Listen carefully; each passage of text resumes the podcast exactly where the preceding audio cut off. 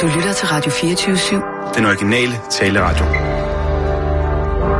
Velkommen til den korte radioavis med Rasmus Bro og Kirsten Birgit Schøtz-Krets Hørsholm. Polet Polak Kloak. Jeg går ud fra, at øh, I har set øh, mailen fra nyhedschefen. Hvad for noget? Mm. Nej. Simon Andersen Nej. har skrevet en mail ud. Sissel, du har set den? Ja. Godt. Øh, du har ikke set den? Har du... Du har ikke set den? Du skal Hvad altså med, at huske du at tjekke din bare Outlook. starter og begynder med at fortælle, hvad det er, der står i den mail, du gerne vil have, at vi alle sammen har set? Er det ikke Ja, hurtigere og nemmere, end at gå og lave en rundspørg, synes- en jamen- håndsoprækning på, hvem der har læst den? Det er fordi, Kom nu med det den vil være rart, hvis du, du tjekker gerne din. Outlook en gang imellem. Der kommer Nej, faktisk nogle jeg tjekker jeg lever mit liv efter mit eget biologiske ur og professionelle Ja, ur. men det er jo jeg lidt- sidder ikke og lever mit liv efter et Outlook-mail. Nej. Nej, men du har Nej, altså nogle kollegaer. Det, det er ikke livet. Nej, men du har Det nogle... er ikke livet. Det er altså At, del le- at leve hele livet efter en Outlook. Jo, det, Nej. det, det er en del af Ikke livet på en... Det om- er en del af livet på Jamen, en hvad skal vi så med livet? Okay, tak. Men Simon Anders- Andersen skriver, at øh, vi har besøg af NRK i dag. Du er Norsk Radio. Nøjers Rikas Ja. kringkastning, ja. Så derfor, det kan være, at de kommer ind, øh, og så må vi gerne virke lidt øh, dynamiske på redaktionsmøderne. Hvad siger du? Ja, Vil du være venlig at læse op fra den mail? Det kan jeg ikke tro. øh, han siger, husk øh, redmøde klokken 9.15, hvor vi har en NRK med. Øh, det må godt virke dynamisk. Og så det kan være, de kommer herind også, så hvis de kommer herind, så skal vi bare lige virke lidt dynamiske, okay? Jamen, hvad vil det sige? Virke dynamiske? Er jeg ikke dynamisk nok? Skal vi nu til at læfle for sådan nogle Nej, vi skal ikke læfle, nej, nej. bebumsede olieborebisser, der har været fattige siden 1960'erne, og så tilfældigvis ramt en sort guld Det er over, ikke et spørgsmål bare fordi, at de laver ungdoms-tv, hvor voksne kvinder sidder og tuder over bøsseromancer blandt 16-årige. Det er ikke et spørgsmål om at læfle. Det er et spørgsmål om, at vi lige virker lidt dyna- dynamiske, når de kommer herind og ser, at, at, at vi altså er en levende arbejdsplads, ikke? Så hvis de kommer herind, så går jeg lige over til dig og øh, kigger på din computer. Så lad os Hvad? lige, ja, lad os lige øve det en gang. Nu ser vi lige, de kommer ind. Mm. Nå, hvad siger du, Kirsten? Har du øh, problemer med mailen? Nu skal du se her. Nu skal jeg vise dig det der... Hvorfor sætter du dig på hook? Jamen, fordi jeg Skal skal... der være med at sætte dig på hook? Det er dynamisk. Prøv nu lige at starte i dag. Nej, jeg vil ikke have, jeg vil ikke have det der det huksætteri. der- det der- Hvad er det? Var det en indianer tipilejer, det her? Lad være med at holde dine hænder op fra munden på den måde, som om du tænker dig om. Hvor- Hvordan vil du virke dynamisk så? Jeg vil lave mit arbejde. Jeg tænker engang. Det er faktisk dynamik. Jamen, hvordan ser det ud, når du laver dit arbejde så? Må se. Det ser sådan her ud. Nu laver jeg mit arbejde, nu venter jeg på, at jeg skal sende nyheder. Ja. Det er mit arbejde. Jeg sidder her med mine, øh, med mine papirer, så jeg kan gå i gang med at læse op. Skal vi ikke lige tage den stående i dag? Altså, hvis du lige rejser dig op, og så kører Nej. jeg hæve sengebordet helt op. Jeg sidder på min popo. Det har jeg altid gjort, når jeg Sissel? læser nyheder op. To pilatesbolde, tak. Hvad? Og en Ja. fatboy ude fra, øh, fra fællesrummet. Øh, rummet. Og en fatboy Ved du hvad, Ja. Sissel? Hvad med, at du går ud og henter et bordfodbold... Bord, bordfodbold... Bord, bobs... Bord, et bordfodboldbord også? Hvad? Eller et spil bob? Kunne, fisk du ned og hente et spil bob og noget kartoffelmel, sådan så vi rigtig kan virke unge og smarte? Ej, eller hvad med en øl fra en mikrobyggeri? Det kunne bare være helt fedt, mand. Eller en barista. Sørg for at hyre en barista ind, Sissel, sådan så vi kan få fed kaffe. Ikke? Sådan en rigtig lækker kop. Hvad de hedder ellers, ikke? Et eller andet, ikke? Undskyld, hvad, hvad, hvad kan du bruge kartoffelmel til? Til at få bobbrikkerne til at glide. Du strøtter altid kartoffelmel ud over at spille bob. Det har det har jeg aldrig hørt om. Du tager en bobplade. Så strøger du kartoffelmel ud over. Og så lægger du bobbrikkerne ud over, så de rigtig glider. Og det virker? Jamen, det er som at spille i olie, simpelthen. Det glider som i olie. Nå. Eller det glider som i kartoffelmel. Jeg har ikke spillet Bob i mange år, men... Eller hvad med, Sissel, at få sådan en rigtig barber herind, sådan så Rasmus kan sidde og blive barberet, mens han laver sit arbejde. Det er sgu da skide dynamisk. Nu- Det er meget ungt. Ja, nu er, Ikke sandt? Ja, det er jo ikke det, der Ej, menes med det. sandwichbar. Nej, noget raw food, sådan så vi kan spise nødder. Jeg ved og, godt, og okay, ukogt det er broccoli. fint nok. Jeg ved godt, hvor du, Du vil kan hen. ikke tåle nødder, Kirsten. Nej, det er heller ikke mig. Det er for, at det skal virke dynamisk, Sissel. Så skal vi have det. Og måske, hvis vi kan få en, øh, en børnehave Okay. opstillet over på nyhedsafdelingen. Stop. Og, og, og en bycykel, sådan så hvis man skal ud og lave en optagelse, så kan man bare tage en bycykel. Hvis du gider at skrive et skilt, hvor der står, vil ikke forstyrre, så, så sæt den uden på døren. Ja, tak. Det, det er nemmere. Skal vi tage nogle nyheder så, eller hvad? Ja, det ville være dejligt. Godt. Klar, parat, skarp. Og nu, live fra Radio 24 Studio i København. Her er den korte radiovis med Kirsten Birgit Schøtzgrads Hasholm. The people have spoken. Det er engelsk for folket har talt, og det er netop, hvad de har gjort med den nye Danmarkskanon, der nu er blevet født og skinner ned på os. Det danske sprog blev faktisk en dansk værdi sammen med, i arrangeret rækkefølge, frisind, kønsligestilling, velfærdssamfundet, tillid, foreningsliv og frivillighed, hygge, den danske kulturarv, frihed og lighed for loven. Sådan Danmark. Hele ideen med en Danmarkskanon kan du faktisk takke Paula Larrain for. Bertel Lord skriver i en kronik i Jyllandsposten. Det var et chilensk flygtningebarn, journalist Paula Larrain, der åbnede mine øjne for den danske kulturelle utydelighed. I mange år troede hun, at det kun var chilenere, der havde kultur. Danskerne var aldeles utydelige. Så tak for det, Paula. Tak for ikke at vide, at andre lande har kultur, og tak for, at vi nu har skåret det ud i pap i en kanon. Sig til, hvis der er andet, vi skal bevise eventuelt, om man godt kan vinde Vild med Dans eller se elskelige øh, se det elskelige Morten Lykkegaard. Bertel Hårder er meget stolt af sin nye, flotte kanon. Også den danske værdi ligestilling. Jeg tror ikke, der er mange lande, der overgår os med hensyn til ligestilling. Det bygger jeg på, at de danske film og tv-serier er blevet berømte over hele verden. Ikke mindst på grund af kvindernes ligestilling i de serier, siger han til politikken. Så tak, Benedikt Birgitte Nyborg, Sarah Lund. Tak, fordi I viser verden, hvordan vi ligestiller i Danmark. Men Stod det til Bertel og ikke folket, så havde kanonen set anderledes ud. Jeg ville have skiftet hygge ud med håndværk og design, for hvis noget gør mig stolt, når jeg er i udlandet, så er det altså Geo Jensen, Bjørn Wienblad og Kongelig Porcelæn sammen med de danske arkitekter. Hvad de formår er helt utroligt, siger han til politikken og fortsætter. Jeg vil nok også have prøvet at få plads til folkestyre og folkeoplysning. Så det er da lidt ærgerligt, at folket har talt, øh, når nu folket går mere op i værdien hygge, end værdierne dansk design og folkestyre, siger Bertel til den korte radiovis, hvor efter han mejsler de 10 værdier ind i to stentafler og brøvler. It is done.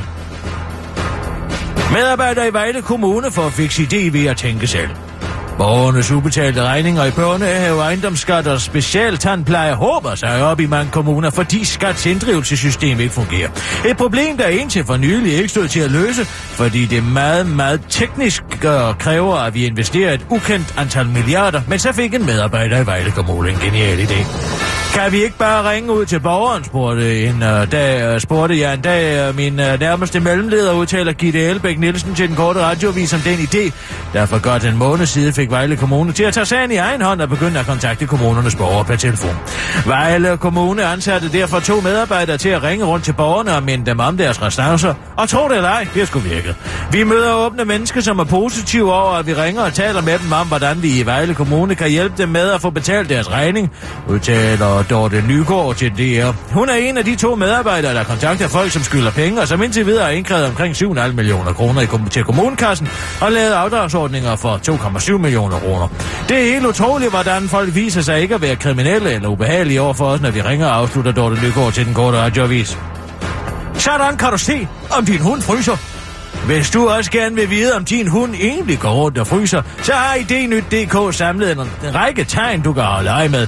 Blandt andet kan du mærke, om det er koldt udenfor, for hvis det er koldt for dig, så er det ifølge idnyt.dk sandsynligvis også koldt for din hund, ligesom en klar indikation på en frysende hund ifølge idnyt.dk kan være, at hunden simpelthen ryster og skælver.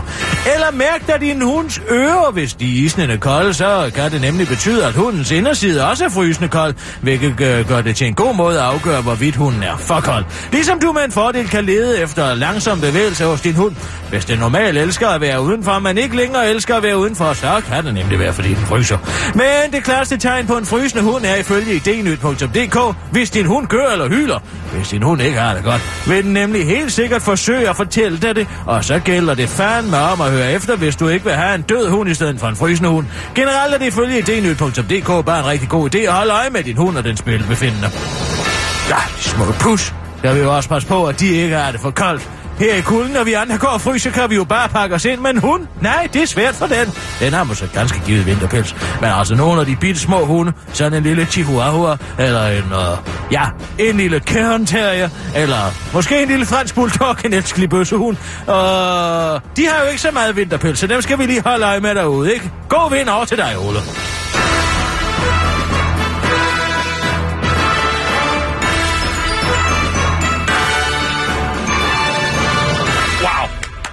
Sådan der!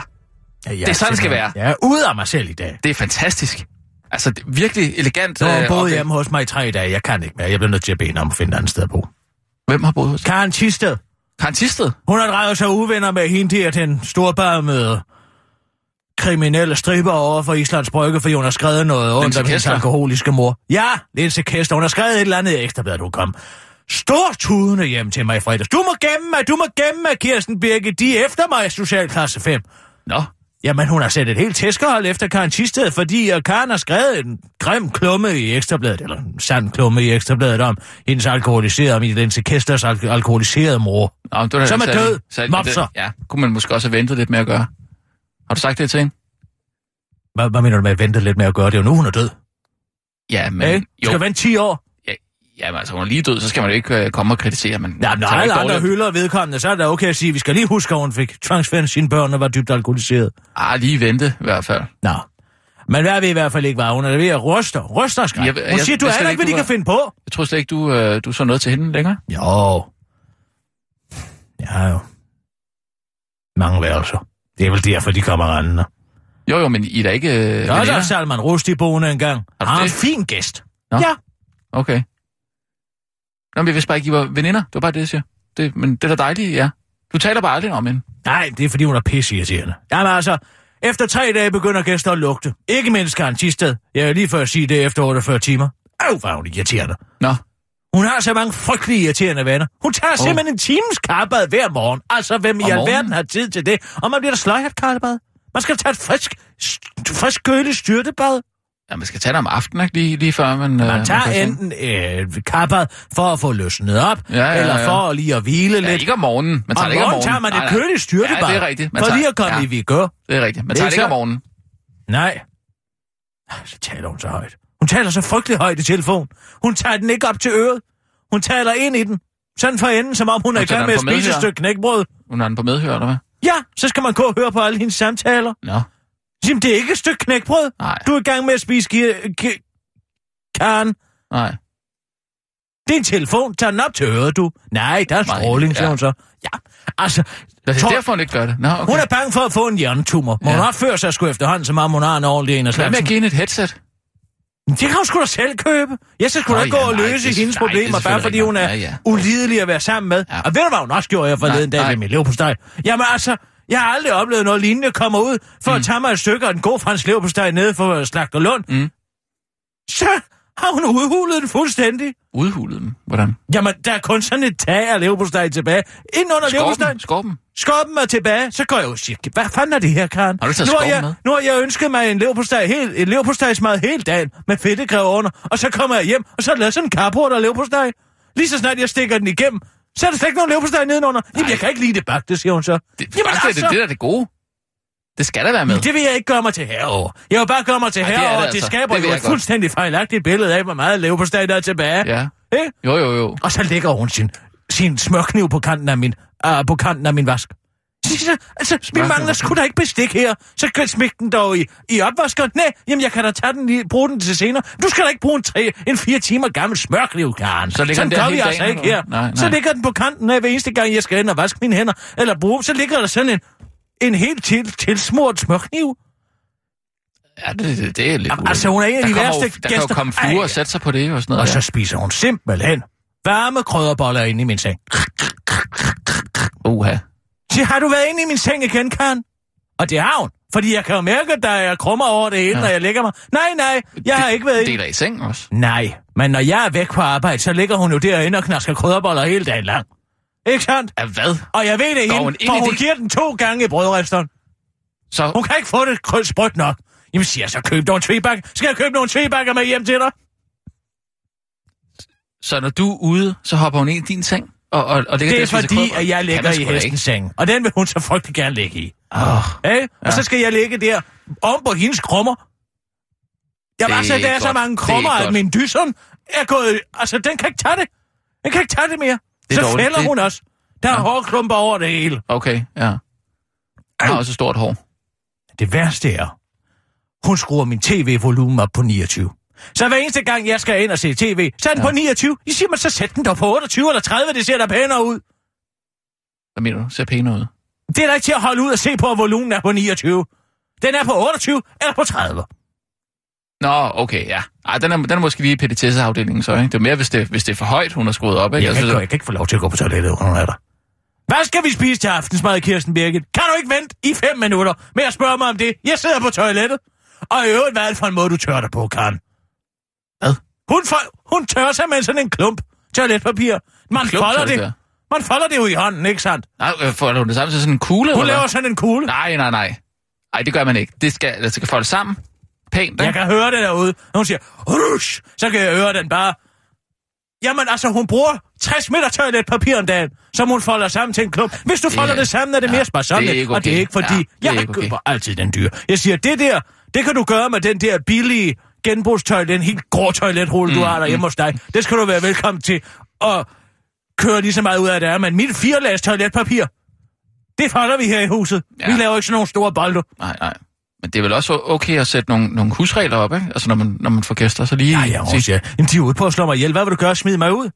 Nø, jamen altså, det ved jeg ikke efterhånden, ja. Mm. Men kan hun ikke øh, flytte i kælderen? Du har da masser af plads. Hun behøver da ikke at... Men det er da ligegyldigt, hun kommer der stadig til at være. Hun kan ikke være for sig selv. Jamen, har du ikke også... Du har da også en køkken Hvad laver du? Jamen, hvad laver du?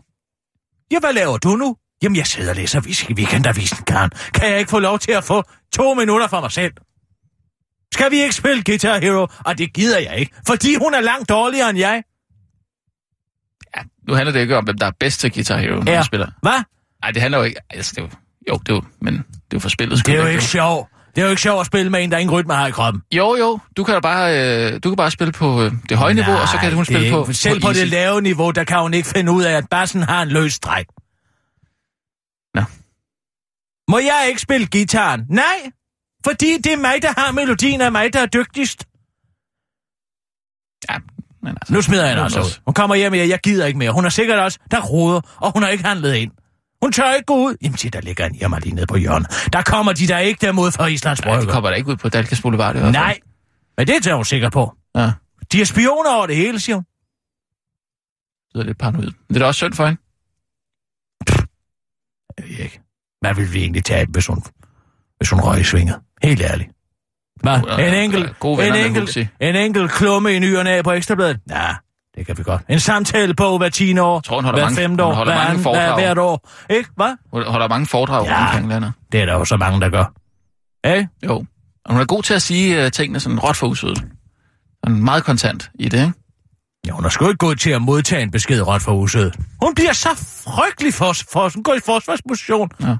Det er dig, der har lagt den ske der. Nej, det ved jeg, jeg ikke gør, for jeg har tre opvaskemaskiner, og jeg putter altid min service i opvaskemaskinen. Du har tre opvaskemaskiner. Jeg har fået en til. Hvad skal du med tre opvaskemaskiner, undskyld jeg spørge? Nej, men du ved, nogle gange så kan de to andre være lidt for langt væk. Så jeg har fået en installeret over i den anden, del, en, af, en anden afdeling af køkkenet. På den anden side af øen. Er en anden afdeling af køkkenet bare. Ja, Det er på ikke den en anden anden side. afdeling af huset. Jeg har jo en ø. Over i den ø, der skal også være en opvaskemaskine, for hvis jeg står derovre, og pludselig skal have noget snasket, øh, snasket service væk, mm. så gider jeg ikke gå helt over i den anden ende af køkkenet. Det sgu fros. Det sgu fros. Nå, hvad hedder det forresten? Jeg skal bare lige sige, at vi har fået en del uh, henvendelser under den der uh, spoken word-ting, du lavede med uh, Michael Simpson. Folk er jo helt vildt med den. Det er jo skide godt. Det er rigtig godt. Uh, der er bare mange, der pointerer, at du laver en fejl, faktisk. Du siger noget med de sidste fire søndage i kirkeåret. Nej, nej. Jo, og det er jo altså advent, ikke? Altså, det er jo, det er faktisk de... Uh, nej, de jeg første. siger de første. Nej, nej, fordi der er flere, der har skrevet det. Nej, Øh, øh, jeg altså, de mener fire også- søndage i advent, det er jo de første søndage i advent. De første søndage i kirkegård, sådan er det, det ved jeg alt. Jo, men det, det er bare fordi, du siger det modsatte, nemlig. Du siger det det sidste. Nej, Jo, altså... Har du ikke selv hørt det? det kan jeg ikke tro. Nej, jeg siger de. Har vi nummeret liggende sådan... Øh, Ja, ja. Kan vi lige spille det? Måske bare lige det stykke der, hvis, hvis du ja kan finde frem til det. se, om jeg kan finde det. Fordi jeg synes nemlig også... Jeg, jeg, jeg stusser også lidt over det, faktisk. Nej, jeg siger de første. Det er helt naturligt for mig at sige de første. Jamen, det tror jeg også, det er, men du sagde bare det sidste. Og det er jo bare en, øh, altså, bare en fejl, du laver. Det er jo ikke noget. Uh, nej. Jeg kan, det kan jeg ikke tro. Julen for mig har altid været hyggelig. Vi yder hinandens selskab, og den intimitet, der er. Det er også en intim tid, julen. Bestemt. Kæft, var det godt. Det skal den på. Jamen, det er rigtig godt. Det er det. Hvilesesringen, ja, sågar. Den er jo også rund. Og Prøv, samme årsag. det. De fire lys, Og der kommer symboliserer de fire søndage. Adventssøndage. De sidste fire søndage Åh. i kirkeåret. Der. Meget smukt. De sidste fire søndage i kirkeåret, det sagde du faktisk. Nå, det der. Det var da bare for at se, om vi skulle være vågne. Det var da bare det. Men godt, at I var vågne. Ja. Godt. Find, find en fejl. Jamen, det er ikke for at sidde og finde fejl, det er bare... Øh, Nej, nej, for- men det var bare for at se, om alle var vågne. Men det var folk, det er godt. Ja, at de er kan mange, deres, der er det, mange, der det er har- godt, det er godt, de kan deres kirkekalender. Ja, men det er jeg glad der er for. Det mange, for lige at se, om der- folk kunne deres Nej, men det, kirkekalender. der er nemlig, rigtig mange, der har været ude efter det. Ja, og sagt, ja. Det, det, er, det er ikke... øh, Det, Vi laver ikke det bare om. Sissel? Mm. Optag lige det her. Hvad vil du... Øh... Shh. Jamen, jeg tror ikke... Det kan man jo ikke. 10. Første. Hvad? Klipper du bare lige det ind, der er ikke noget blip under. Ikke? Sådan, så tager vi nogle nyheder. Okay. Sissel? Klar? Parat? Skarp? Og nu, live fra Radio 24 Studio i København. Her er den korte radiovis med Kirsten Birgit Schøtzgrads Hasholm. Sådan! Kontanthjælpsloftet virker. Der kom flere fattige. På et halvt år hele 4.000 færre danskere på kontanthjælp. Fremgangen skødes både kontanthjælpsloftet, som trådte i kraft per øh, 1. april i år, og bedre konjunkturer. Det mener beskæftigelsesminister Troels Lund Poulsen, der peger på, at øh, det er blevet meget mere attraktivt at komme ud på arbejdsmarkedet. Attraktivt, fordi det nu er så uattraktivt at være på kontanthjælp. Flere kritikere af kontanthjælpsloftet har ellers været bekymrede for, hvad der ville ske med hovedparten af de personer, som blev ramt af kontanthjælpsloftet, som er enlige med børn. En enlig med tre børn og en husleje på 8.000 kroner har for eksempel mistet 5.100 kroner af det månedlige rådighedsbeløb, hvilket svarer til en reduktion på hele 30 procent. Men det er Troels Lund Poulsen dog ikke bekymret for. Jeg mener ikke, at loftet fører til fattigdom, siger Troels Lund Poulsen til Ritzau uden på noget som helst tidspunkt, som til vanligt at ændre ansigtsudtryk igennem interviewet. Han forklarer også, hvad regeringen har tænkt sig at gøre en gang ud i fremtiden, hvor for de mange, der er blevet ramt af kontanthjælpsloftet, vejen frem er at forbedre virksomhedernes vilkår, så de ansætter flere personer, siger han til Ritzau og uddyber til den korte radiovis. Det kan godt være rigtig svært for virksomhedernes øh, at ansætte medarbejdere med overenskomstmæssige rettigheder, men hvis man nu kunne skrue lidt på de krav, så kunne de jo pludselig godt ansætte dem alligevel, siger Truslund Poulsen, der også gerne vil gøre noget med de målrettede skattelettelser, så det en dag bliver mere attraktivt for at få et job. Så nej, jeg tror ikke, at der kommer flere fattige i Danmark, eller i hvert fald ikke, når vi om øh, ubestemt tid har indført de her tiltag. Indtil da, så har de bare ikke så mange penge, afslutter han til den korte radiovis. Sådan! Asylstramningerne virker. Der er kommet færre flygtninge. Til Danmark i hvert fald. Hvis du er asylansøger i Europa, så er du blevet mindre tilbøjelig til at vælge Danmark som endestation. I årets første ni måneder kom der 5.300 asylansøgere til landet, hvilket svarer til 92 per 100.000 indbyggere. Det placerer Danmark på en 13. plads i EU set i forhold til befolkningens størrelse. Danmark er simpelthen blevet mindre attraktivt at slå sig ned i, og det glæder Venstres udlændingeordfører Markus Knudt. Han, skriver udviklingen, han tilskriver udviklingen grænsekontrollen og regeringens stramninger. Regeringen har jo øh, til formål at gøre det mindre attraktivt for asylansøgere at komme det hertil, og disse tal indikerer, at vi er blevet mindre attraktive, siger han til Jyllandsposten og tilføjer, at han gerne så, at tallet blev ved med at falde. Men regeringen skal øh, tage ikke tage æren for det hele, mener Socialdemokraterne tid. Mabdan Mad Jørgensen, som nu er Socialdemokraterne tids udlændingefører, ordfører, vil øh, lige mene folk om, at han skam selv er en af grundene til, at Danmark er blevet mere uattraktiv. Han medgiver, at regeringen kan tage en del af æren for udviklingen, men at citat, det kan den sammen med os Og vi har lavet de stramninger sammen, siger Matt Maddan Mad Jørgensen til Jyllandsposten og henviser til, at Socialdemokraterne tidligere stemmer til asylstramninger. Vi kan ikke blive ved med at være blandt dem, der tager relativt øh, allerflest i Europa, så det er en positiv ting, fortsætter han til Jyllandsposten. Personligt tror jeg, jeg har spillet en kæmpe rolle i, at flere vælger Danmark fra, tilføjer han til en kort radiovis. Med al den snak om kanon, glemmer folk jo helt, at jeg selv har lavet en kanon, da jeg var minister. En madkanon. Ud af de otte nominerede nationalretter var fem med svin, og nationalretten blev stegt fisk, så det afslutter Matt Maddan Mad Jørgensen, mens han ligner en, der lader som om han sover, mens han faktisk kigger sig omkring. Dette blod vil ikke blive efterladt på jorden. Tyrkiets indrigsminister Soleiman Soylu, ja, det hedder han altså, sværger hævn efter mindst 30 politiofficerer og en håndfuld civile blev dræbt ved to koordinerede bombeeksplosioner uden for et fodboldstadion i det centrale Istanbul.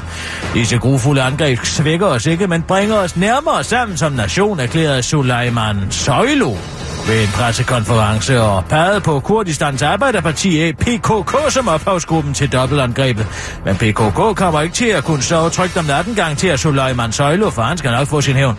Før eller siden vil vi få vores hævn. Dette blod vil ikke blive efterladt på jorden, forklarede Suleiman Søjlo på pressekonferencen før han til den korte radioavises udsendte mellemøstkorrespondent understreger, at han, i stedet for at efterlade blod på jorden, vil starte sit hævntogt med at tørre blodet op med en eller flere store karklud. Det var den korte radioavis med Kirsten Birke Sjøtskrets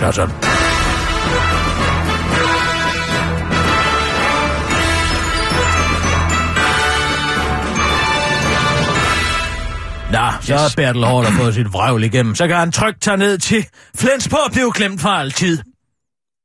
Ej, han bliver nok ikke glemt. Jo, det kan jeg love dig for, han gør. Han skal ned i glemslen. Ja. Nu, kan han, nu er der kommet... Nej, hør lige den her. Er det ikke en øh, åbningsmonolog? Hvad, hvad var det? Nej. Nu skal Bertel Hårder jo til uh, Flensborg. Ja, nej, stop. har I hørt nej, det? Nej, jeg vil ikke. Kirsten?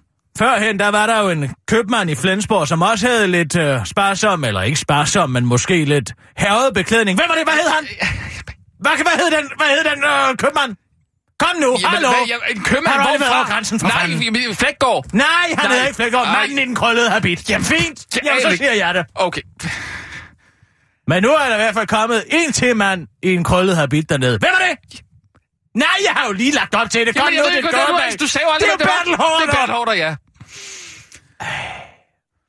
Jamen, jeg troede, det var købmanden. Ja, hvad hed købmanden? Manden i den krøllede habit. Hvem var det? Kalle. Kalle? Kalle. Jeg, jeg, jeg kender ikke nogen Kalle, der er købmand. Altså. Han er død. Men nu er, nu er han jo kommet derned, ikke også? Okay, Nu er ja. Bertel jo kommet derned. Ja. Nu er han manden i den krøllede. Det var jo det, vittigheden Ja, var. ja, ja. Hvorfor kan du ikke bare spille med? Jamen, det, jamen jeg, jeg ved det ikke. Nej. Men nu skal vi... Ja, hvad fanden skal vi egentlig bruge den kanon til? Jeg glæder mig til at se, hvad den, hvad den rent praktisk kommer til at betyde for os danskere. N- Rasmus, Men, ikke, ikke mere. har du hørt? Nej. Bare rolig. Jeg spiller et spil, ikke? Jeg leger en leg. Og det er ikke åbningsmonolog. Nej, nej, Nå, nej. ja. Men altså, kan man forestille sig to mænd, der går ned på gaden og siger den ene til den anden, Gud, har du lagt mærke til, at, øh, ja, hvad ved jeg, frisind er blevet en værdi i Danmark nu? Gud, det har jeg altid tænkt over kunne være en god idé. Vil være frisind? Hvor er bevares.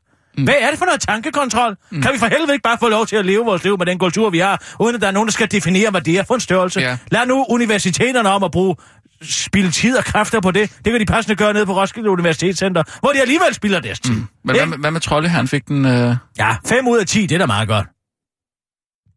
5 ud Ja, af det er 10 af de okay. værdier er foreslået at holde hævn. Ja. Det er da fint. Hvad med Danmark, 50 Danmark i verden? Kom den ind. Hvorfor skal du altid se hullerne i osten? Det gør Hvorfor det, kan du ikke bare være glad for det, vi har? Nej, det, jamen 5 ud af 10, det er da godt. Det, det er det da. Ja, ja. Det er da så godt. Ja. Den er intet værd, du. Ingen skid værd. Det danske sprog er en dansk værdi. nok, øh. Hvor jeg bevares. Ja, hvor fanden skulle det ellers være en værdi henne? Ja. I Portugal? Mm. Jamen, øh, jeg, jeg synes også selv, den er lidt, lidt i overkanten, ikke? Men Kirsten, jeg har, jeg har noget... Altså, nu, jeg har klippet noget af det nu. Skide godt, Sissel. Vil du høre det? Meget gerne. Advent søndag. Første til fire søndag i kirkeåret. Ja, det virker godt. Det kan jeg godt lide. Send du bare den på gaden. Det gør jeg. det tror jeg... Jo, jo, må lige høre det igen. Det lyder da skide godt. Du ved, hvordan det klipper, Sissel. Du klipper godt. Tak. Symboliserer de fire søndage. Advent søndag. Første til fire søndage ja. i kirkeåret. Ja, smukt. Det synes jeg godt, man kan høre. Ah, ja, Det synes jeg men godt, man altså, kan hvis man... Du ved det jo også. Det synes jeg... Det er fordi, du ved det. Nej, det er Jo. ikke fordi... Nej. Nej, det synes jeg måske lige... Du kan jo godt høre det. Det er jo klart og tydeligt klip. Nej, det synes jeg altså ikke, det er. Skal vi høre det igen? Prøv lige at spille Ja. det igen. De fire lys symboliserer de fire søndage. Adventssøndag. Det er for meget blip. Nå, gud, det er min telefon. Lige et øjeblik. Sissel, cut den ud. Det kan jeg godt lide. Hallo? Det er Kirsten Birgit. Hallo Kirsten Birgit. Det er Allan. Ja, tak. Det ved jeg godt. Hvad så, Allan? Vi sidder midt i arbejdstiden. Og vi må endelig huske at være dynamiske, fordi NRK er her. Nej, det behøver vi ikke. Der er jo kommet jo et skilt på døren. Nå, okay. Ja, ja. Så kan vi være lige så udynamiske, som du plejer at være, Allan. NRK. Altså... Oh. Nøjres Rikes Kringkastning, de er på besøg. Så nu skal vi alle sammen være dynamiske og spille bordfodbold. Men det har ikke noget med og, skam at Og gøre, ned og købe kartoffelmel. Det er radioen. Det er ikke, det er ikke dem, der har lavet skam. Ja. Det er ikke Håkon Måslet, der er der så. Hvad siger du? Håkon Måslet. Måslet. Ja. Hvad? Det er Håkon Måslet, der er der. HK Måslet. Hvad siger du? Håkon. Håkon. Håkon. Håkon Måslet. Så hør efter, hvad jeg siger. Det er da et meget arbitrært spørgsmål, Allan. Er det ham? Er det ham, der er der? Jeg skal være ærlig og sige, jeg aner det ikke, Allan. Nej. Jeg aner ikke, hvem det er, der er her. Men hvad skyldes æren? Ja. Jeg ringer sådan set bare for at sige uh, tak for billetterne. Til handen rundt. Yes. Det var da et fund. To billetter, 165 kroner. Købte du dem, Allan? Jamen altså, det er jo fordi, jeg kan jo ikke, altså, et godt tilbud, ikke?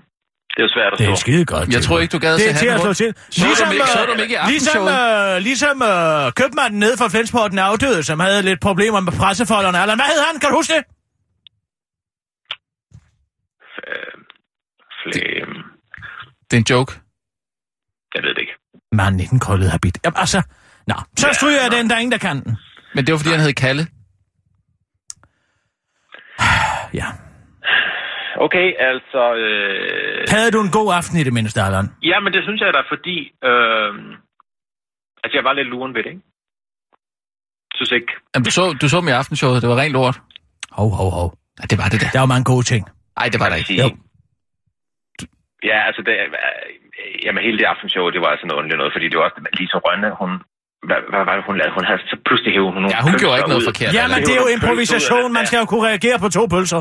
Jo, men hvor har de pølser været hen? Altså, men de bliver, ud, øh, de bliver hævet ud af en eller anden kostymejagt. Så hvad, der, hvor, hvor længe har de været der? Har, har Elise vasket fingre ind? Der vil jeg så sige, så har faktisk pøl, han tog ind forholdet, ikke? Han tog de pølser, han spiste de pølser, der, var, han var, der, der var ikke noget der. Og så tænkte jeg, og det var det, jeg huskede, da du da pludselig du sagde, okay, 165 kroner. Tænkte jeg, det kan sgu godt være. Det kan godt være, at de, de stadigvæk kan noget. Så var jeg inde og se det. Så var det jo faktisk, så var det faktisk virkelig sjovt. Og det er meget imponerende. To gange 45 minutter, hvor de bare kører. To gange 45 minutter. Hold da kæft. Og det er jo Søren Østergaard, han skal jo bare tage en jakke på og sådan en hat. Så synes man, han er sjov. Ja. Er det ham, der er sjovest, eller hvad? Han er sjov. Ja. Han er sjov. Og Nej, så Lille der Olsen er den sjoveste, ikke? Han, han er helt klart Han er også sjov. Helt klart mest musikalske, vil jeg sige. Og så er Søren Hopfagsbøl, han er jo han er sjov til de der små små bitte bifigurer. Så pludselig er han sådan, så pludselig står, så står Niels Olsen øh, i med sådan en stor øh, tøj på, og en eller anden kimono i silke eller hvad det er. Og så står øh, åbenbart en eller anden fiskeriansat, og står og skærer nogle, nogle, nogle, øh, nogle, nogle fisk op. Og så pludselig, så kommer øh, Søren Hopfagsbøl ind på ryggen, ligesom med sådan, med, med sådan nogle jazz hands. Og, øh, hvad hedder det, som om han er en fisk, der så bliver skåret op, og så kører han rundt, Mm. og så kommer han tilbage. og Det var virkelig sjovt. Det er det, jeg synes, der er problemet med det. Der, der sker, Var Niels, der sker var Niels meget Husen på- japaner? Var det derfor, han havde kimono på? Var det en sushi-restaurant? Nej, men de har også nogle, nogle stativer med nogle, øh, altså nogle, nogle, hvad hedder sådan noget, kostymer. Og så tænkte jeg, de har jo altid de samme kostymer på. Men altså, det er jo, det er jo, øh, så lige der, så, det var en eller anden kittel, eller eller han skulle forestille sig. Var Claus Bue øh, detektiv? Øh, han havde i hvert fald en pibe på et tidspunkt. Men, øh, altså det... Han havde sådan en Sherlock Holmes-hat på, så samtidig.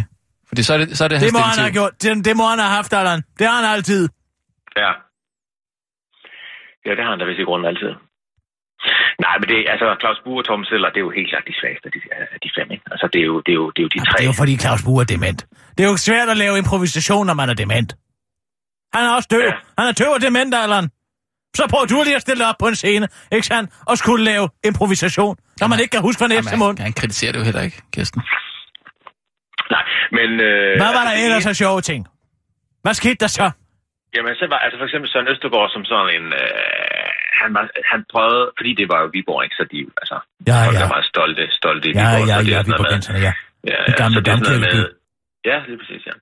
Øh, så, hvad hedder det, det er jo noget med, at øh, Søren Østergaard så var en betjent for Holstebro, Nå. som jo er lidt en konkurrent. Altså, Ja, ja, ja, der er jo gammel bystrid. Ja, så det, var, det, synes jo, det synes man var meget sjovt. Og, Og hvad skete der så? Hvad sagde han? øhm, han, så, så taler han jo på det der vrøvle, Ja. øh, Vrøvlesprog. vrøvle jysk. Nå, ja. Ja. Øh, det var der flere af dem, der gjorde. Og det er jo altid sjovt. Øh, men altså, det eneste, jeg var lidt træt af, det var, at de ikke tog nogen af mine sædler. Nu er dine sædler. Ja, altså, publikum kunne jo skrive sædler. Ja, hatten rundt. Ned i en hat. Ja. Det er jo derfor, det hedder Ja, ja. hatten rundt. Ja, man, man kan godt se, okay, Gunnar Frøberg, han står sådan, han står, han står lige og sorterer dem, mens der så bliver, altså hvis de spiller en eller anden sketch, eller så står han lige og sorterer dem, så han tager de gode fra. Og der tror jeg, der har han taget min fra, simpelthen. Hvad? Og det, ja. Og jeg synes ellers, Hvad var det? min sædel, Ja, hvad stod der på din sædel? og det ved jeg ikke, om jeg vil fortælle. Hold nu op. Fordi hvis de nu igen, det kan være, de bruger den senere. Nå, nej, det gør de selvfølgelig ikke. At de smider dem vel ud? Nej, det gør de vel. Nej, jeg skal bare øh, Claus, øh, Claus Buse Mælkemand. Fordi jeg tænkte, han skulle have noget udfordring. Ja. Han, er ligesom, jeg synes, det er, det, er ham, det er ham, der har det, jeg synes, det er ham, der har det svært. Men skal, der, skal man ikke skrive en idé ned, sådan, som, altså, sådan, øh, Det er da også en idé. Hvad skulle mælkemanden så gøre? ja, altså mælkemanden kommer, ved jeg kommer på rundt besøg hos. Indre Mission eller sådan noget, kunne det jo være, ikke? Mm. Jamen, det er jo, hvad de, hvad de ønsker at finde frem. Hvad de ønsker Er ligesom der, at, jo, at ja. improvisere for. Jo, jo. Så du vil bare gerne se Claus Bue som mælkemand? Ja, det kunne da være meget sjovt. Det er jo sjovt i sig selv. Og så går han, og så kan han jo gå rundt, så kan han gå rundt på scenen, så kan han ligesom møde, så kan han sige goddag Browns Bak. Øh, lad være med at spille klaveret, lige skrue ned for ham. Så kan han lige gå hen, så bare lige skrue ned for ham, så slukke, så holder Frans Bak op med at spille. Så kan han jo, øh, så kan han møde Niels Olsen pludselig. Han kan også ligesom henvende sig til publikum. Mm. Der er jo mange ting, han ligesom kunne gøre, ikke, som mælkemand. Ja, det er rigtigt. Er, er, Allan, er det en rigtig hat, det sender rundt? Er der en, er der en Jamen, hat, det står eller er ligesom, det, det er bare ligesom sådan... ude, stod Hvad? ligesom ude for jen, så var der sådan små sædler. Men det var en hat. Det var en hat. Ja, Nå, okay. ja, det- den der, Mhm. den der øh, En høj hat. stråhat, eller Er det stråhat? Okay. Er det det? Er det det, det er? Det er da en Borsalino. Det har der aldrig været. Hvad er det, er det den samme hat? Nej, det er da en Borsalino, Jamen, ikke er det den samme hat, de altid har brugt? Jeg ved ikke, hvad det er for en model. Nej, prøv nu lige at gen... Ej, nu må du lige komme det i lige. Allan. Hvor stor er skyggen? Det er en smal skygge? Hatten men, men silkebånd, Nej, det er en Borsalino. Ja, jeg husker det som om, at det er en relativt bred skygge, må jeg så sige.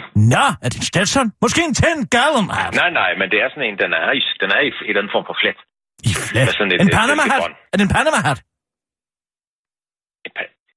Det ved jeg ikke. Jeg ved ikke, hvad de der... Panama hat. Altså, jeg, skal jeg google lige øjeblik. Jeg skal lige... Jamen, jeg sidder også og googler nu, men øh, altså... Det, nej, hvad er det Ja, for... vi er travlt. Det her, det er sådan en safari-hat. Her er en safari-hat. Farvel, Allan. Vi har nyheder, Det er vi en skal have nyheder. Farvel. Det er en safari... Åh, oh, nej. Læg på. Øhm, ja, Farvel, er det- Allan. Det er fordi, vi Nå, skal men- have øh, nyheder. Der er det. nyheder nu. Jeg siger bare tak for billetterne. Det var det. Det var også det, lidt, du var jeg. Ja. Nej, du. Han lagde på. Hvorfor kan man ikke have en samtale om hatte med folk mere? Der er ingen, der ved, hvilke, hvilke hatte der er hvilke hatte. Nej, Folk kan ikke genkende en Borsalino. Men Folk det- ved ikke, hvad en sixpence det er. er fordi, det er en safari-hat. Eller en møds.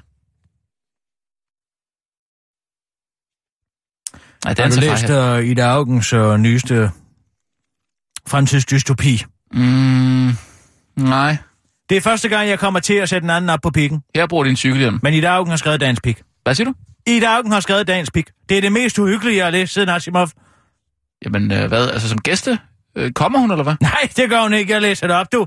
Jeg har oversat det til dansk. Hun har skrevet et uh, blogindlæg om uh, singularitet, om fremtiden. Hvordan fremtiden bliver. Det er, Nå. så det gyser, så det løber ned ad ryggen. Okay. Det er så ufattelig uhyggeligt. Jeg har også sat det verbatim. Sådan så der ikke er nogen, der skal komme her og sige, og jeg har snydt. Okay, ja, ja. Jamen, øh, altså, det er da meget sjovt lige at eksperimentere med øh, Nej, det er, det er så sådan, så kunne, folk, øh, det, folk de går himlen op om Trump og fake news, og det ene og det andet, det er så i så så farligt. Det her, men det er det det vigtigste. er en rigtig god idé at, at lade gæster komme til. Nej, kigge. nej, nej, det er Jo. kun i det her tilfælde. Så bliver det ikke, Nej, nej, så bliver det ikke så vanligt. Så kunne nej, Henrik Marstad nej, jo også få lov til at komme med et eller andet. Hvem? Ja, Henrik Marstad eller Uffe Elbæk? Nej, Jo, jo, så så kan du skrive- Ikke medmindre de Nej. siger noget, der er så langt ude, og rent faktisk har magt, som de har agt. Ikke sandt? Det er jo det, det her nye Ministerium for Offentlig Inno- Innovation handler om. Det handler om, at vi skal få skabt i der Augens fremtidssamfund, ja. Som er så uh, Jamen, uhyggeligt. Lad os lige prøve at se, hvordan Vi det kører bare. Ja. Og nu, live fra Radio 24 Studio i København. Her er den korte radiovis med Kirsten Birgit Schøtzgrads Hasholm. Genialt design. Forsvarets nye maritime helikopter synker ved nødlanding på vand. Hvis forsvarets nye maritime helikopter, Seahawk, bliver tvunget til at nødlande på vand, vil den ifølge producenten Lockheed Martin synke inden for cirka 10 sekunder, fordi helikopteren ikke er udstyret med et såkaldt flotation-system. En slags maritim airbag, der puster sig op i kontakt med vand.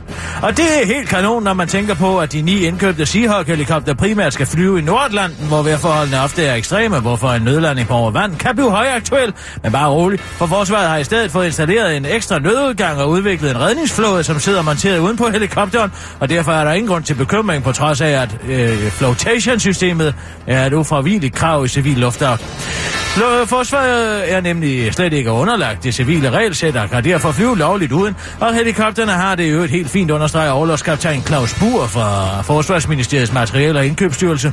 Det er vurderet, at helikopterens sikkerhedsmæssige niveau er acceptabelt, siger han til Jyllandsposten og fortsætter til den korte radiovis, og så tror jeg jo, at flotation-systemet er lidt af en arm stor historie, ligesom det der med, at man går til bunds, hvis man går i havet lige efter man har spist. Det passer jo ikke afslutter han og tilføjer, at det sandsynligvis viser sig, at helikopterne har en indbygget fejl, så de slet ikke kan lette, hvorfor det muligvis øh, ikke er et problem overhovedet. Alternativet går ind for alternativt AA. Der skal gøres op med, at Mohammed ryger ud af bunken med jobansøgninger og ikke kommer til jobsamtale til fordel for Mads. Derfor vil Alternativet gennemføre eksperimenter med AA, anonymiserede ansøgninger, på udvalgte statslige institutioner for at imødegå diskrimination for ansøgere med fremmedklingende navne. Forslaget udspringer af et speciale, hvor studerende forsynede 400 ansøgere med et mellemøstligt kvinde- og mandenavn, og andre 400 ansøgere med et dansk navn. Øh, dansk navn. Øh, dansk kvinde- eller mandenavn. Og der var altså flere med danske navne, der blev indkaldt til samtale, og så derfor vil Alternativet indføre en antidiskriminerende ansættelseslovgivning. Men hvorfor stoppe at spørge Alternativets Henrik Marstal den korte radiovis, for når anonyme Abdullah møder op, og ikke er den arbejdsgiveren regner med, så bliver det jo nok dårlig stemning. Nej, hvis arbejdsgiveren sad på en stol med ryggen til, så kunne han trykke på en knap, hvis han kunne lide, han hørte. Man kunne kalde det for stemmen, eller på engelsk, the piss.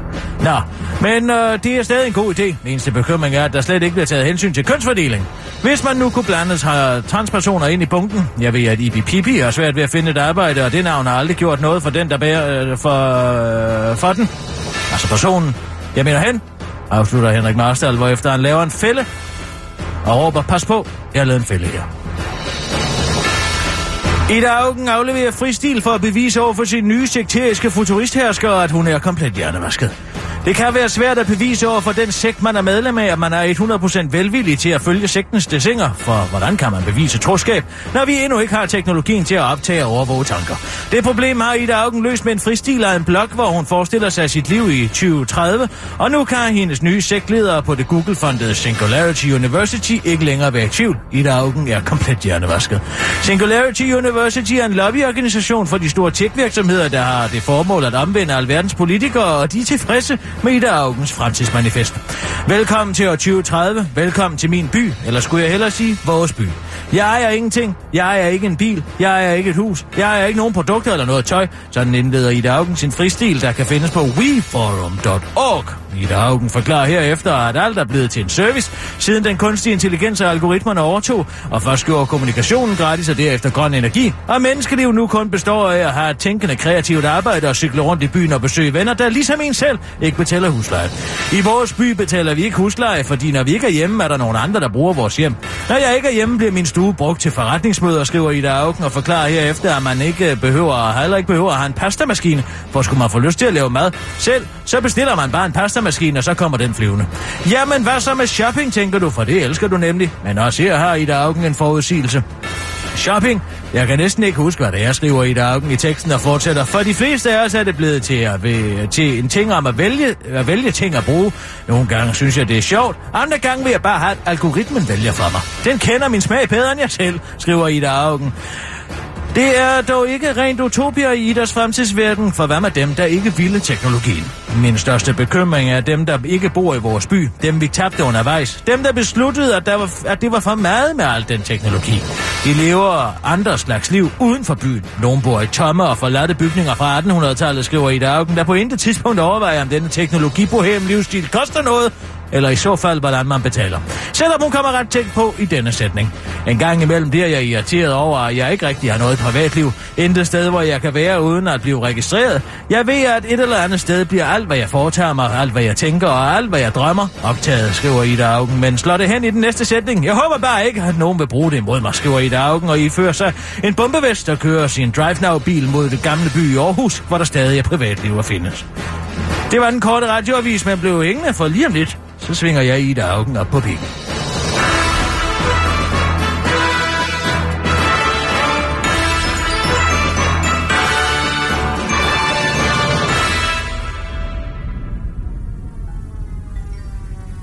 Smæk benene op og nyd. Ida Augen på pikken. Velkommen til 2030. Jeg ejer intet, har intet privatliv, og livet har aldrig været bedre. Velkommen til år 2030. Velkommen til min by, eller skulle jeg hellere sige vores by. Jeg ejer ingenting. Jeg ejer ikke en bil. Jeg ejer ikke et hus. Jeg ejer ikke nogen produkter eller noget tøj. Du synes måske, det er besynderligt. Men for os i denne by er det helt normalt. Alt, hvad du betragtede som et produkt, er nu blevet en service. Vi har fri adgang til transport, bolig, mad og alle de andre ting, vi har brug for i vores hverdag. En efter en blev alle disse ting gratis, så til sidst blev det omsandt der eje noget. Først blev kommunikation digitaliseret og gratis for alle. Så, da ren energi blev gratis, begyndte tingene at gå hurtigt. Så faldt priserne på transport drastisk. Det gav jo ikke længere nogen mening at eje en bil, fordi vi kunne rekvirere et førerløst køretøj eller en flyvende bil til længere rejser i løbet af få minutter.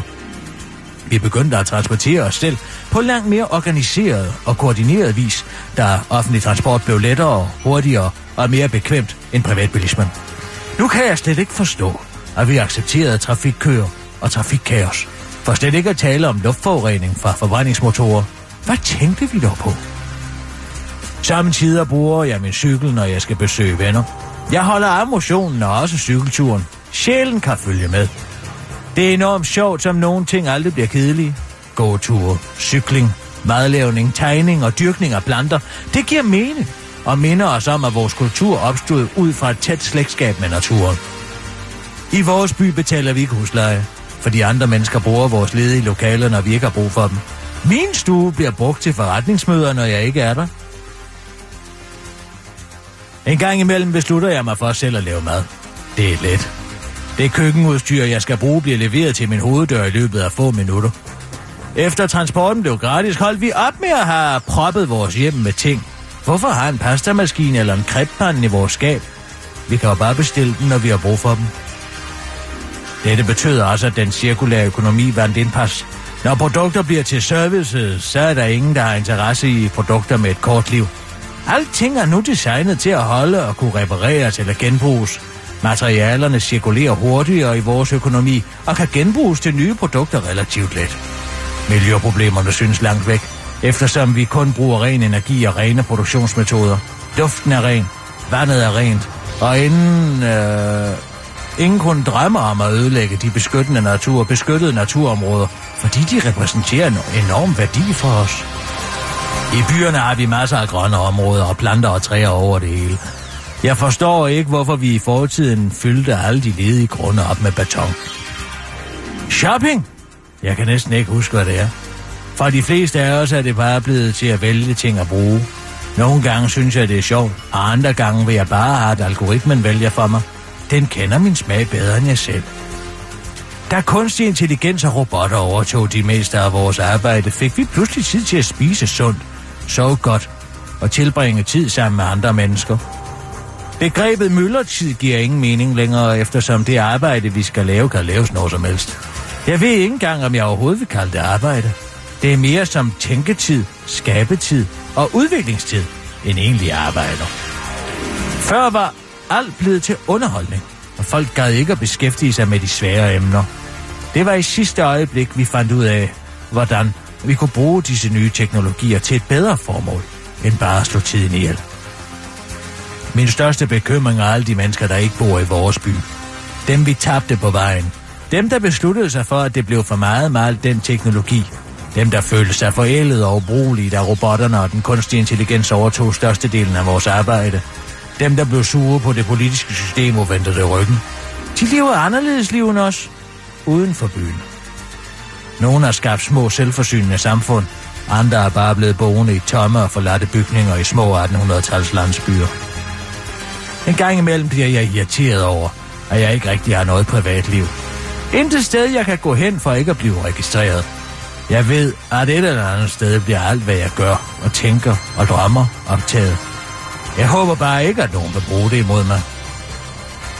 Alt i alt er det et godt liv.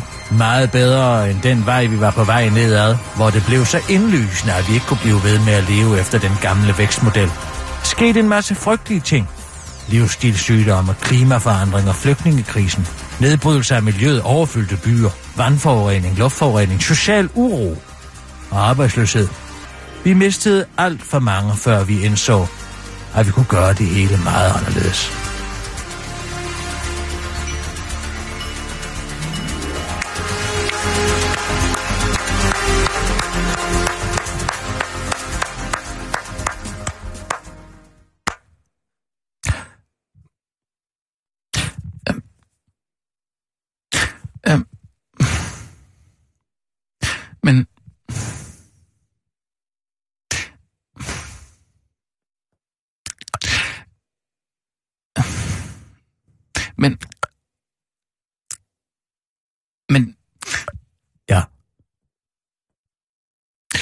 Hvad vil du sige? Men der var ikke noget for, forurening, jo. Det var meget godt.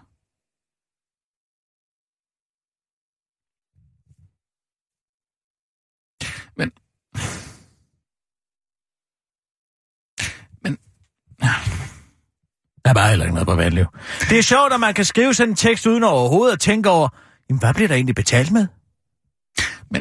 There is no such thing as a freelance, som man siger. Der er ikke noget, der hedder en gratis frokost. Og det er jo netop de tanker og drømme, som Ida Augen har, som der skal betales med. Fordi det er jo sådan Google, som finansierer hele det her fremtidsdystopiske helvede, som Ida Augen gerne vil leve sig hen imod, hvor ingen laver noget, og alle cykler rundt i byen og har det godt, men så til gengæld betaler med deres drømme og forhåbninger og deres forbruger. Ikke? Se nu de her små robotter, der skal passe vores børn, ikke? Som er blevet taget i at overvåge alt, hvad børnene siger, og så bruge det til at, at, at markedsføre forskellige produkter til dem. Kunne du tænke dig en ny Barbie-dukke, spørger den der dukke lige pludselig, når forældrene er gået ud. Det er præcis det samfund. Det er singularitet, ikke? Det her, det er en sekt, Asmus. Men det er det, der skal, det er dem, det er de her mennesker, såkaldte eksperter, såkaldte universitetsfolk fra Singularity University, der skal sidde og viske Sofie Løde, den nye øh, minister for offentlig innovation i ørerne. Ikke sandt? Sådan så vi kan få flyvende, flyvende, flyvende biler, men intet privatliv. Lad os nu bare lægge vores liv i hænderne på en algoritme og en kunstig intelligens. Så behøver du ikke længere at arbejde. Man kunne også bare tage nogle piller, ikke sådan? Som i Aldous Huxleys farver, farver nye verden, ikke? Brave New World. Det er som om, de ikke har læst de her bøger. Du skal bare en tur ind i Room 101 og lægge alle dine hemmeligheder, og så bliver livet godt. Det handler om at holde op med at tænke selv, simpelthen. Lad algoritmen gøre alt arbejdet. Det er meget nemmere. Så kan du få en pastamaskine flyvende ind ad vinduet. Men... Og der er ingen grund til at betale for en bil, for du kan bare lege en flyvende bil. Ikke sandt? Og du skal heller ikke betale husleje, fordi når du går ud af døren, så kommer nogle forretningsmænd og sidder inde i din stue og holder møde.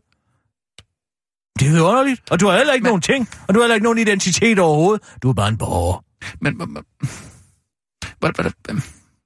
går man, man går ikke på arbejde? Altså, Nej, du har bare tænkende kreativt arbejde. Altså, altså man, man, går på arbejde? Tænker de tanker, du kan tillade dig at tænke, uden at algoritmen finder ud af, at den er troet. Hvordan får man penge? Hvordan tror du, at sådan en som mig, som bliver overvåget i hovedet og røv, når det her det kommer i gang, med mine farlige tanker bliver behandlet af en algoritme? Men, men, men der var masser af parker. Ja, der er alle de grønne områder, du overhovedet kan gå og have tomme tanker i, så længe de ikke er systemkritiske. Ikke? Skal du sidde i din flyvende bil? Mm. Jamen altså, jeg synes, det er imponerende, at i Ida Augen helt uforvarende er kommet til at skrive et afsnit af Black Mirror. Men... Ved du, hvorfor det hedder Black Mirror Men... i øvrigt? Det er en genial titel. Mm. Black Mirror er jo det spejl, som computerens skærm laver. Når du for eksempel er inde og sidde og se din junglefeber-video, så vil der altid være et lille øjeblik, hvor inden den loader videoen, inden videoen har loadet, sådan så du kan se dine øjne sorte damer, hvor skærmen er helt sort, og du får et lille blik af dig selv i den situation, du er i. Det er Black Mirror. Det er den spejling i den digitale sorte skærm, der er. Men er der så nogen, der holder møder i, i min lejlighed, hvis... Ja, ja, når du ikke har dig for det hele, det er jo bare fælles her. Ikke? Du har jo ikke ret til noget privatliv i det her samfund, fordi alt er disrupted. Alt er udliciteret til fælles, fæl, til, til samfundet, ikke? Men, nej. Men der er ingen sygdom, Rasmus. Ja. Der er ingen sygdom. Der er ingen sygdom. Nej. Ingen livsstilssygdom. Ingenting. Du skal bare opgive din sjæl.